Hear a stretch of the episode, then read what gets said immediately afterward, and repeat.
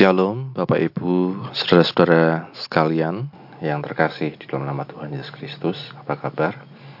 Di nama Tuhan, di sore hari ini kita dapat kembali bertemu dalam PA online di hari Kamis. Mari terlebih dahulu sebelum kita membahas firman Tuhan, kita sama-sama berdoa. Bapak kami bersyukur untuk kesempatan yang kau beri pada kami di sore hari ini Untuk kami belajar dari firman-Mu Bukalah hati kami, pikiran kami, untuk kami dapat mengerti, untuk kami dapat juga Tuhan memahami dan mampukan kami roh kudus untuk melakukan firman-Mu dalam kehidupan kami.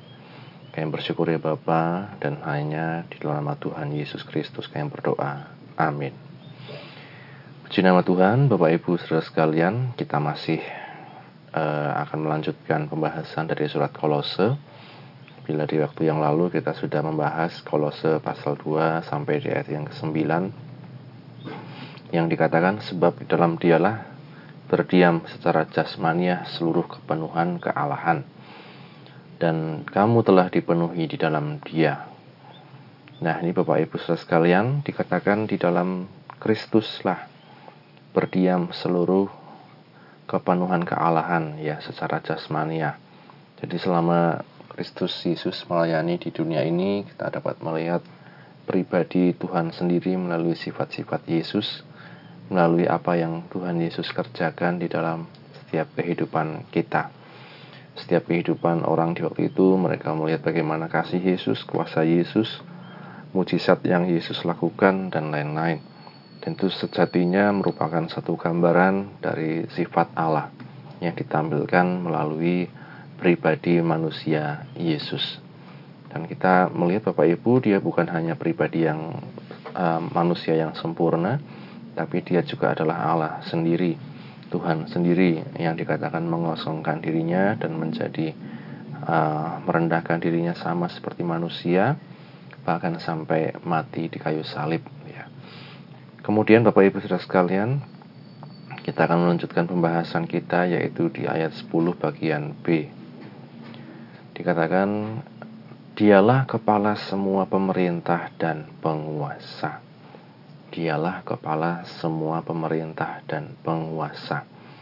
Ini kita lihat Bapak Ibu dikatakan menjadi satu uh, juga atribut yang dimiliki oleh Tuhan Yesus bahwa dialah kepala semua pemerintah dan penguasa. Kalau dibayangkan, kita bayangkan pemerintah, penguasa itu memiliki satu kekuasaan, memiliki satu kekuatan yang begitu besar. Kita bayangkan saja Bapak Ibu saudara sekalian, misalnya ada kasus yang melibatkan seorang petinggi dalam satu institusi keamanan dan dia adalah orang yang begitu berkuasa, berpangkat bintang ya, ada bintangnya berpangkat jenderal dia bisa membuat uh, satu kasus yang begitu heboh ya dengan merekayasa kasus tersebut ya katanya seperti itu. Itu menunjukkan betapa besarnya kuasa yang dimiliki oleh seseorang ketika dia diberikan satu kuasa diberikan bintang diberikan satu jabatan tertentu. Nah, bagi kita sekalian, Bapak Ibu, Saudara sekalian, kita melihat prinsip yang kita miliki dalam kehidupan kita bahwa Yesuslah yang punya kuasa. Dialah kepala semua pemerintah dan penguasa. Sebabnya kita tidak perlu takut, tidak perlu khawatir dengan berbagai macam hal yang mungkin terjadi dalam dunia ini yang itu sering kali membuat kita mungkin khawatir, berpikir nanti ini bagaimana, itu bagaimana. Sebab sejatinya semua kuasa itu ada di dalam Yesus sendiri. Nah, kalau saya katakan bahwa dia telah mengalahkan semua ya, kalau dikatakan mengalahkan bukan berarti kemudian tentang hal-hal yang terjadi di dunia ini Bapak Ibu Saudara sekalian. Tetapi bahkan sampai maut pun dikalahkan. Hai maut di manakah sangatmu kata firman Tuhan. Nah, maka Yesus ini bukan hanya memiliki kuasa atas segala sesuatu, pemerintah dan penguasa yang di bumi, tetapi bahkan juga sampai tentang hal-hal yang tidak bisa dilihat oleh kasat mata. Kita melihat di dalam Roma pasal yang ke-8 dari ayat yang ke-13. Eh, maaf, Roma 8 ayat 33, Bapak Ibu sekalian. Roma pasal 8 ayat 33. Siapakah yang menggugat orang-orang pilihan Allah yang membenarkan mereka? Siapakah yang akan menghukum mereka? Kristus Yesus yang telah mati, bahkan lebih lagi yang telah bangkit, yang juga duduk di sebelah kanan Allah, yang malah menjadi pembela bagi kita. Siapakah yang akan memisahkan kita dari kasih Kristus? Penindasan atau kesesakan, atau penganiayaan, atau kelaparan, atau ketelanjangan, atau bahaya, atau pedang, seperti ada tertulis, oleh karena engkau kami ada dalam bahaya maut sepanjang hari. Kami telah dianggap sebagai domba-domba sembelihan. Tetapi dalam semuanya itu kita lebih dari orang-orang yang menang oleh dia yang telah mengasihi kita. Sebab aku yakin bahwa baik maut maupun hidup, baik malaikat-malaikat maupun pemerintah-pemerintah, baik yang ada sekarang maupun yang akan datang atau kuasa-kuasa ya ini tentang kuasa baik yang di atas maupun yang di bawah ataupun sesuatu makhluk lain tidak akan dapat memisahkan kita dari kasih Allah yang ada dalam Kristus Yesus Tuhan kita. Amin. Bapak Ibu Saudara sekalian, yang Yesus Kristus lakukan, dia kalahkan maut, dia menebus kita dari dosa, sebabnya dikatakan dia menjadi pembela bagi kita.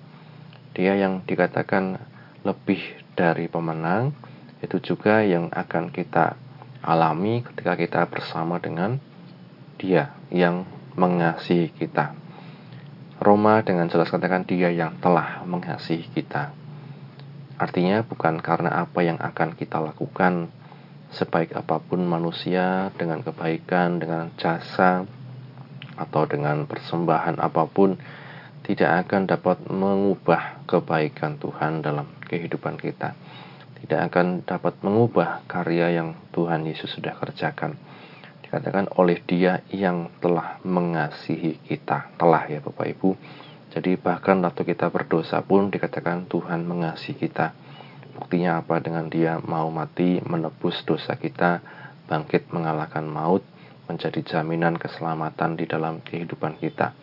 Maka Paulus tadi katakan, aku yakin baik maut, baik hidup, baik malaikat-malaikat, baik pemerintah-pemerintah, baik yang ada sekarang maupun yang akan datang, atau kuasa-kuasa, baik yang ada di atas maupun yang ada di bawah, ataupun sesuatu makhluk lain tidak akan dapat memisahkan kita dari kasih Allah yang ada dalam Kristus Yesus Tuhan kita.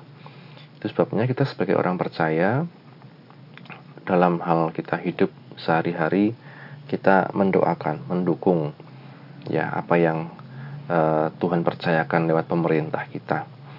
Di mana pun kita berada kita mendukung Bapak Ibu Saudara sekalian.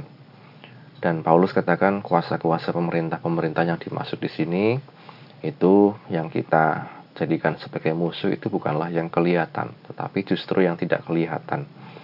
Misalnya kita buka dalam Efesus pasal yang ke-6 mulai dari ayat yang ke-10. Efesus pasal 6 mulai dari ayat 10. Akhirnya hendaklah kamu kuat di dalam Tuhan, di dalam kekuatan kuasanya. Kenakanlah seluruh perlengkapan senjata Allah supaya kamu dapat bertahan melawan tipu muslihat iblis. Karena perjuangan kita bukanlah melawan darah dan daging, tapi melawan pemerintah-pemerintah, melawan penguasa-penguasa, melawan penghulu-penghulu dunia yang gelap ini, melawan roh-roh jahat di udara. Jadi bukan tentang pemerintah yang terlihat, tetapi kuasa-kuasa yang tidak terlihat. Paulus tadi katakan bukan melawan darah dan daging, tetapi melawan pemerintah-pemerintah, melawan penguasa-penguasa, penghulu-penghulu dunia yang gelap, melawan roh-roh jahat di udara. Jadi berbicara tentang satu kuasa kegelapan.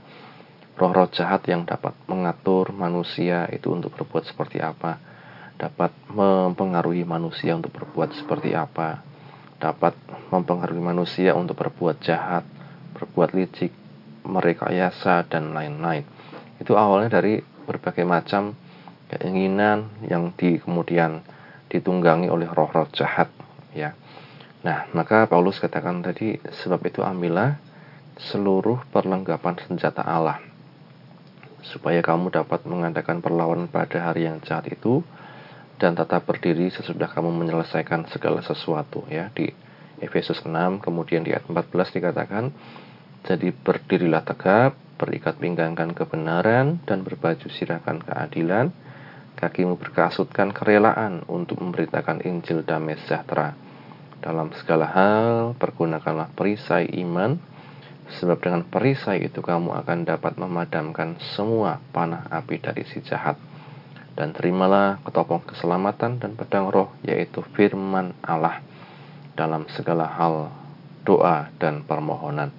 Berdoalah juga setiap waktu di dalam roh dan berjaga-jagalah dalam doamu itu dengan permohonan yang tak putus-putusnya untuk segala orang kudus juga untuk aku supaya kepadaku jika aku membuka mulutku dikaruniakan apa dikatakan perkataan yang benar agar dengan keberanian aku dapat memberitakan rahasia Injil. Nah ini Bapak Ibu saudara sekalian, kita sekalian baik jemaat Tuhan, umat Tuhan, kita tidak lepas dari berbagai macam pengaruh jahat ya dari roh-roh jahat. Kita perlu dikatakan selengkap senjata Allah. Dikatakan apa? Berdiri tegap, berikat pinggangkan kebenaran, berbaju sirakan keadilan, kerelaan memberitakan Injil damai sejahtera, perisai iman, kemudian katakan ketopong keselamatan, kemudian pedang roh yaitu firman Allah dan doa. Nah, ini semua Bapak Ibu sekalian katakan diteladankan juga oleh Tuhan Yesus. Dan kita hanya dapat menang ketika kita bersama dengan Yesus. Itu sebabnya dikatakan dialah kepala semua pemerintah dan penguasa. Dialah kepala semua pemerintah dan penguasa. Penting bagi kita untuk terus waspada, untuk terus uh, sadar bahwa kita hidup ini dikatakan bukan hanya tentang apa yang terlihat saja, tapi juga ada kuasa-kuasa yang tidak terlihat. Ada berbagai macam pengaruh-pengaruh yang tidak baik, yang itu bisa mempengaruhi orang untuk berbuat jahat dan lain sebagainya, mempengaruhi orang untuk korupsi, mempengaruhi orang untuk dendam, mempengaruhi orang untuk iri hati dan lain-lain. Dan pilihan di tangan kita, apakah kita akan mengikuti uh, suara roh jahat tersebut ataukah kita akan melawannya. Dan dikatakan hanya di dalam Tuhan Yesus dialah yang dikatakan telah mengalahkan semuanya. Telah.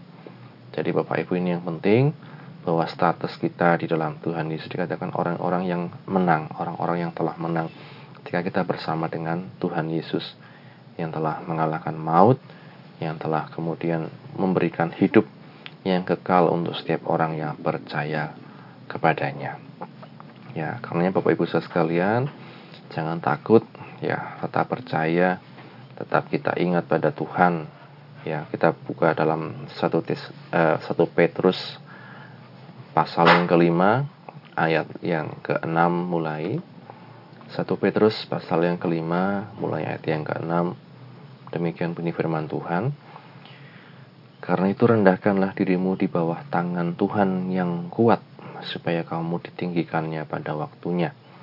Serahkanlah segala kekhawatiranmu kepadanya sebab ia yang memelihara kamu berdirilah dan berjaga-jagalah sadarlah dan berjaga-jagalah lawanmu si iblis berjalan keliling sama seperti singa yang mengaum-aum dan mencari orang yang dapat ditelannya.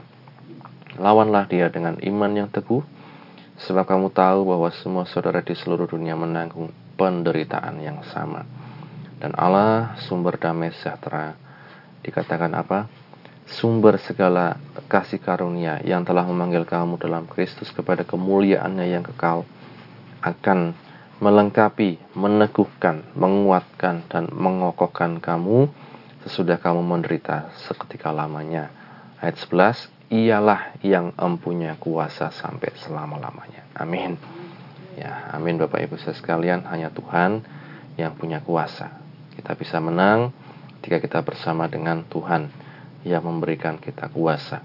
Kita bisa menang ketika kita merendahkan diri di hadapan Tuhan ya bersama dengan dia.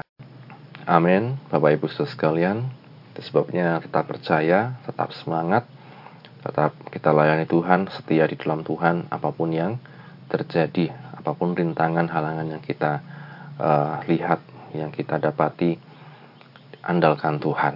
Hanya dalam Dia dikatakan ada kuasa, ada kekuatan karena Dia telah mengalahkan semuanya.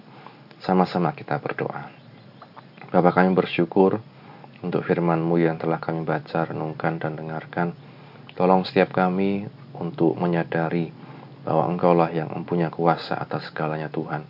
Atas hidup kami, atas apa yang terjadi dalam hidup kami, atas segala pergumulan kami, hal-hal yang kami rencanakan dan lain-lain, Engkaulah yang punya kuasa. Bahkan Engkaulah yang punya kuasa atas segala hal-hal Tuhan yang tidak kami lihat. Engkaulah kepala atas semua pemerintah penguasa, bahkan hal-hal yang tidak kami lihat, roh-roh jahat di udara, berbagai macam pengaruh-pengaruh yang tidak baik, Engkau yang punya kuasa dan Engkau yang telah menang. Engkau yang tolong kami, Engkau yang melindungi kami dari segala hal yang jahat Tuhan, dan mampukan kami hidup seterus dengan firman-Mu. Berkatilah setiap anak-anakmu yang sudah dengar firman-Mu, di mana pun mereka berada. Mereka yang sakit Engkau sembuhkan, yang lemah dikuatkan, yang susah dihiburkan, yang sedang dalam permasalahan berikan jalan keluar ya Tuhan. Kami bersyukur ya Bapak, akhirnya kami tutup Tuhan. Ibadah kami di sore hari ini hanya di dalam nama Tuhan Yesus kami berdoa. Haleluya. Amin.